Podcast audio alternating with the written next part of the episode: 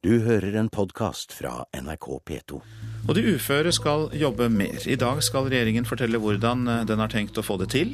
Og den ansvarlige for det hele sitter her sammen med deg, programleder i Politisk kvarter, Bjørn Myklebust. Men jeg har også hentet inn litt motstand.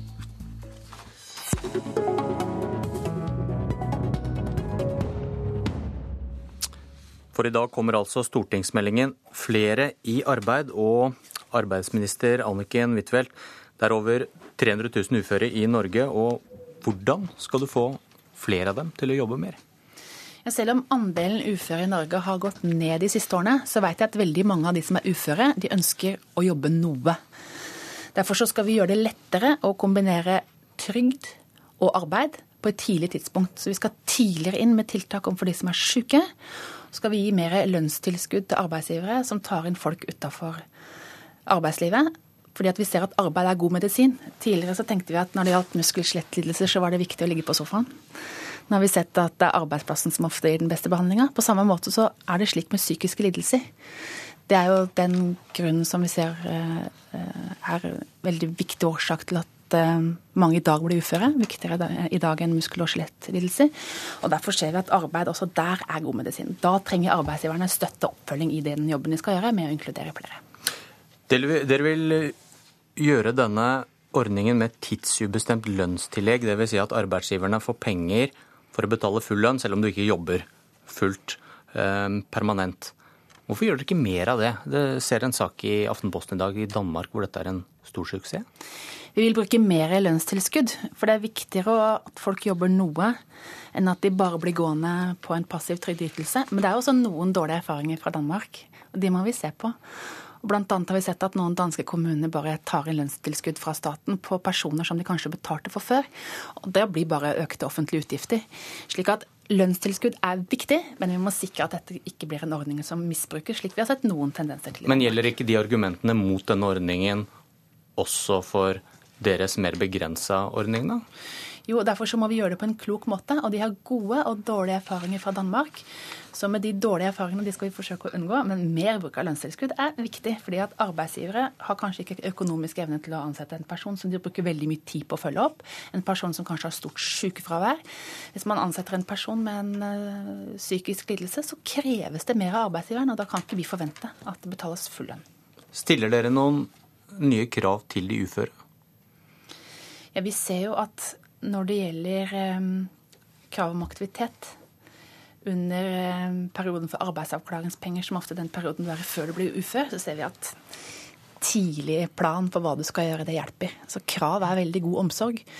Men det er ikke for alle slik at det er krav om arbeid. Det kan være krav om rusbehandling og andre ting. Men det vi har sett tidligere, er jo at vi har brukt ganske lang tid på å gjøre folk klar for arbeidslivet. Gjennom trening, gjennom psykiatrisk behandling. Men ofte har den tiden blitt altfor lang, og da har du vært lenge utenfor arbeidslivet. Og da er det vanskeligere å komme inn. Så nå skal vi bruke arbeid som en del av behandlinga, for det er i arbeidslivet du blir stilt krav til, og det er ofte den beste omsorg. Dere har hatt makt i åtte år. Hvorfor kommer dette nå? Vi har jo fått ned andelen uføre. Og mye av Nav-reformen Det har blitt flere uføre, men andelen går ned? Ja, andelen har gått ned. Og det er jo bra. Vi har sett også at uh, andelen antallet sosialhjelpsmottakere har gått ned, fordi at kvalifiseringsprogrammet har virka. Men vi ser i samarbeid med arbeidsgiverne at det trengs nye tiltak for å støtte flere ut i arbeidslivet. Så vårt potensial som samfunn er å få flere av de som er utenfor arbeidslivet, til å jobbe. Vi har fått flere av de eldste til å stå lenger i jobb gjennom pensjonsreformen. Vi har fått ned sykefraværet gjennom at flere kombinerer sykefravær og arbeid. Nå skal vi gjøre den samme jobben i forhold til uføre.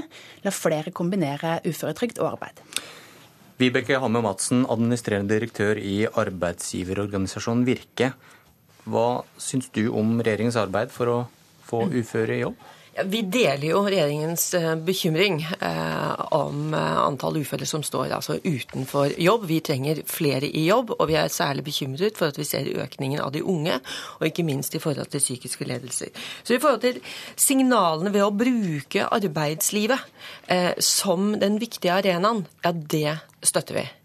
Det å øh, si mer lønnstilskudd har vært et klart krav fra Virke. Fordi at vi trenger å mobilisere. Dette er jo en dugnad, skal vi få til dette. Og da må vi gjøre det litt på premissene av arbeidsgiveren nå. En arbeidsgiver skal ansette, og han skal levere et resultat. Og eh, da er det viktig at de har forutsigbare rammebetingelser. Dvs. Si gode økonomiske lønnstilskudd som de kan stole på er der. Og så trenger de faktisk råd og hjelp fra Nav. Eh, fordi at her er det i Norge mange små virksomheter de små er faktisk gode på å inkludere og, eh, og få dette til. For avstanden mellom leder og medarbeider er, er kort. Eh, men for å få disse mange, mange små virksomhetene med i Norge, ja, så trenger de hjelp og støtte fra f.eks. ja, Nav eh, når vi skal integrere. Og det tredje er jo at jeg syns at denne gangen burde de også ha sagt at midlertidig tilsetting innen ett år er et viktig tiltak for å redusere barrieren og hindringen for eh, arbeidsgiver til å gjøre dette. Da begynner vi å snakke om ting som kommer til å skje. Og det siste punktet der, det er jeg helt sikker på at du sier nei til, Huitfeldt? Ja, vi er mot å endre loven når det gjelder midlertidige ansettelser. Hvis du er inne på et arbeidsmarkedstiltak og er i samarbeid med en av Virkes medlemmer i en butikk, så er jo det av midlertidig karakter, den utplasseringa som du da får i yrkeslivet. Men å si at nå skal alle ansettes midlertidig mer, det mener jeg blir en helt gal tilnærming. Og da føler jeg også at Virke på en måte eh, bruker de funksjonshemmede i en kamp for å redusere rettigheten til arbeidstakere i Norge. Og jeg mener også at det er litt diskriminerende å si at når du er kvalifisert for arbeidslivet, så mener jeg at funksjonshemmede skal ha samme rettigheter som andre. Og det gjelder også for personer som i dag står utenfor arbeidslivet. Så jeg, har ikke sett noen eh, tall på som viser at hvis man har mer midlertidige ansettelser, så får man et mer inkluderende arbeidsliv. Snarere tvert imot. Da blir det noen som blir gående på ettårskontrakter og blir enda mer sårbare enn nå. Kan du dokumentere det, Madsen, at midlertidige ansettelser gjør det ja, Lettere for arbeidsgivere å ansette Ja, det kan vi. Vi har vært ute og spurt. Og vi vet at, eh, eh, at i dag så er det eh, av de som kommer inn i midlertidig tilsetting, så er det langt de fleste som får fast stilling, enten i den samme bedriften eller et annet sted. Det er viktig å få på CV-en at man har noe yrkeserfaring. Og jeg har opplevd at statsråden hører jo ikke egentlig på hva jeg sier. Og vi snakker ikke om alle. og vi må kunne stole på arbeidsgiveren. At de sier de vil redusere en barriere, en hindring. Og så må vi bruke de virkemidlene vi, eh, vi skal ha. Vi lytter til bedriftene våre, vi. Og det er de som sier dette. De er flinke til å inkludere. Vi trenger å få mange uføre inn i arbeid. Ja, la oss bruke de virkemidlene vi har, og ikke holde på eh, gamle ideologiske tenkninger. La oss bruke det som bedriftene sier de ønsker å bruke, så har vi de med. Dette er en dugnad, og da må vi gjøre det på premissene arbeidsgiver også. Hva sier du til dokumentasjonen om at midlertidighet det mm. virker, mm, Huitfeldt? Ja, det Vibeke Madsen her viser til, er jo dagens lov, som gir noe begrenset adgang til arbeidsgivere for midlertidige ansettelser. Hun har ikke noen dokumentasjon på at det å utvide dette, som f.eks. i Sverige, hvor det er 20% som er midlertidig ansatt, at det gir noe mer inkluderende arbeidsliv. Slik at her er vi grunnleggende uenige. og jeg tror ikke at det at vi får et arbeidsliv hvor du blir ansatt for ett år av gangen overfor folk som sliter, gjør situasjonen noe bedre. Vi vet at det å ha en tilknytning til arbeidsgiver, det er viktig i arbeidet med inkludering. Men mange av de arbeidsmarkedstiltakene som vi her foreslår i denne meldinga, de er jo av midlertidig karakter. Og Da er det ikke slik at arbeidsgiver binder seg til å ha vedkommende ansatt utover det som er perioden. Men statsråd, Det er jo feil det du sier, for i privat sektor så har vi ikke muligheter til å ta inn personer inntil ett år. Da må det være i særlige hensyn, og det har ikke en en liten bedrift med åtte mennesker. De har de jobbene de har, og skal de ha inn noen der, ja, så må det være enten en svangerskap eller en sykdom som ligger til grunn. Så dette stemmer ikke, og vi sier altså inntil eh, ett år. Eh, I tillegg til at vi må ha hjelp fra Nav. Ok, eh, Elefanten i rommet, er det arbeidsmoral? Huitfeldt? Nei, for noen er det det men langt fra de fleste. Men det krever hva vet, vi, hva vet vi om det? Det krever så mye mer å komme inn i arbeidslivet i dag enn for 20 år siden. Da du var ung, så kunne man si ja, du kan bare skru bil. Nå er ikke det å skru bil noe bare-bare lenger. Det kreves veldig mye kompetanse. Skal du inn i industrien i dag, kan du ikke gå rett fra ungdomsskolen. Det krever fagbrev. Slik at det å få en innpass i dagens arbeidsliv krever mer enn før. og Derfor så trenger vi mer samarbeid mellom myndigheter og arbeidsgivere for et mer inkluderende arbeid. Hva, hva, men hva, hva tenker du om, er det ikke en sammenheng mellom nivå på ytelser og hvor mange som går på ytelsene? Dvs. Si arbeidsmoral. Jo, eh, det er det jo. Men her må vi jo ha et samarbeid. Og det siste som statsråden trekker frem, det er jo noe med å få de unge inn. Så her trenger jo arbeidsminister og kunnskapsminister å sette seg ned sammen, sånn at vi sikrer at vi får de unge eh, inn i arbeid, og ikke på uføre. Kan vi komme til et punkt Huitfeldt, hvis man ikke får gjort noe med andelen uføre, eller at ikke dette tallet øker, at man må se på eh, trygdeordningen, at avstanden mellom trygd og arbeid må bli større? Kort til det til slutt. Altså, arbeid skal jo lønne seg, og det er derfor vi nå legger om uføretrygden. For å gjøre det mer lønnsomt å jobbe. Økonomiske insentiver har virka når det gjelder pensjonsreformen, og noe av det samme skal vi gjøre nå når det gjelder uføre. De aller fleste har god moral, men vi ser at krav også er veldig god omsorg, spesielt for de unge. Arbeids, arbeidsminister Anniken Huitfeldt, takk og enig til slutt der. Takk til deg også, Vibeke Hammer Madsen.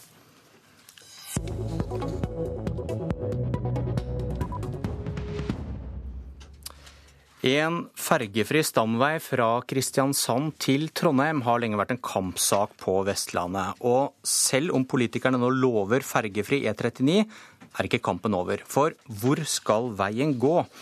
Lobbyselskapet Gode Vegard AS, som kjemper for E39 i Indre, vil ikke fortelle hvor alle pengene selskapet får, kommer fra. Og Trude Brosvik fra Kristelig Folkeparti reagerer på hemmeligholdet. Jeg mener at de hadde stått seg på å være åpne. og synes, Egentlig så syns jeg det er rart når det er både offentlig og privat kapital at de ikke velger den linja. De vil være mer troverdige på den måten. To lobbyselskap kjemper på hver sin side i striden om hvor E39 skal gå i Nordfjord. Selskapet Nordfjord Kryssing AS kjemper for midtre, og Godevegar AS for indre alternativ. På begge sider ruller nå pengene for å sikre gjennomslag for å få brua dit de vil. Førstekandidat til Stortinget for KrF, Trude Brosvik, er en av flere som er opptatt av hvor pengene ruller og hvem som betaler. Nei, Det er money talks. Altså, Følg pengene er et godt råd ofte. NRK har skriftlig stilt spørsmål om hvem som betaler inn penger for å sikre sine interesser. Men Gode Vegard ønsker ikke nå å gi opp hvor mye selskapet har i driftsinntekter i 2012, eller hva som er venta i 2013. Unntaket er at kommunene Stryn, Skjåk og Hornedal årlig til sammen betaler inn 350 000 kroner. Daglig leder i Gode Vegard, Svein Sunde, mener det er naturlig så lenge regnskapen ennå ikke er offentlig i Brønnøysundregisteret. Ja, nå er dette et aksjeselskap, og vi eh, retter oss selvsagt fullstendig etter etter lovverk. Så vi, vi har selvsagt ikke noe å skjule, vi. Og, og, det kommer fram av regnskapet slik det skal komme fram av regnskapet. I månedsvis har regjeringa lova å ta ei avgjørelse i striden om hvor E39 skal gå i Nordfjord. Og medan folk venter, går pengene ut både av kommunale og private kasser, og det er snakk om millioner. Nordfjord Kryssing AS opplyser til NRK at de bare i fjor brukte nesten 500 000 kroner på striden om E39. I år blir det brukt like mye. Inntektene er i all hovedsak betalt inn av Gloppen og Eid kommuner. Hver for seg har de betalt inn mellom 150 til 250 000 kroner per år de siste tre åra. Nordfjord Kryssing er eid av de to kommunene Gloppen og Eid og Gloppen næringsorganisasjon. Ikke minst eier òg Sparebanken Sogn og Fjordane 40% av Nordfjord Kryssing AS, men banken skal ikke ha skutt inn penger etter at brua over Nordfjord ble politisk betent. Ja, for Stryn kommune sin del så er vi veldig godt fornøyd med Gode Vegard og den måten de har operert på. Det sier Høyre-ordfører Stryn, Sven Flo. I løpet av to år vil Stryn kommune alene bruke 400 000 kroner på Gode Vegard AS. Vi er eh, tilfreds med det, ut ifra de bestillingene som Eh, som vi politisk eh, har, har ønsket. Gode Vegard er eid av Stryn næringssamskipnad. Flo mener det er rett av selskapet å vente med å informere hva private selskap som betaler penger til Gode Vegard, og viser til at dette er i tråd med lovverket og skikk og bruk i næringslivet. Ja, altså Alle bedrifter, spesielt da et aksjeselskap, de følger jo fastsatte regler og bestemmelser. Svein Sunde sier at i alt ti bedrifter betaler inn penger, men vil ikke ut med hvor mye. Men sier Hotell Alexandra er et av selskapene. Hvis eh, Hotell Alexandra vil sier det sjøl, så, så er jo det greit for meg. Men heller ikke Hotell Alexandra vil si hvor mye de betaler. Administrerende direktør Rikard Grov lar likevel skinne gjennom at det trolig er et beløp i underkant av 50 000 kroner. Trude Bråsvik fra KrF mener det er viktig at virksomhetene er mest mulig åpne. Jeg har ikke imot at det blir laga lobbyselskap, men som politiker så syns jeg det er viktig at dette er, er gjennomsiktig. At en vet hvem en snakker med når en snakker med et lobbyselskap. Det mente Trude Brosvik fra Kristelig Folkeparti. Reporter her, Asgeir Reksnes. Politisk kvarter er slutt. Jeg heter Bjørn Myklebust. Du har hørt en podkast fra NRK P2.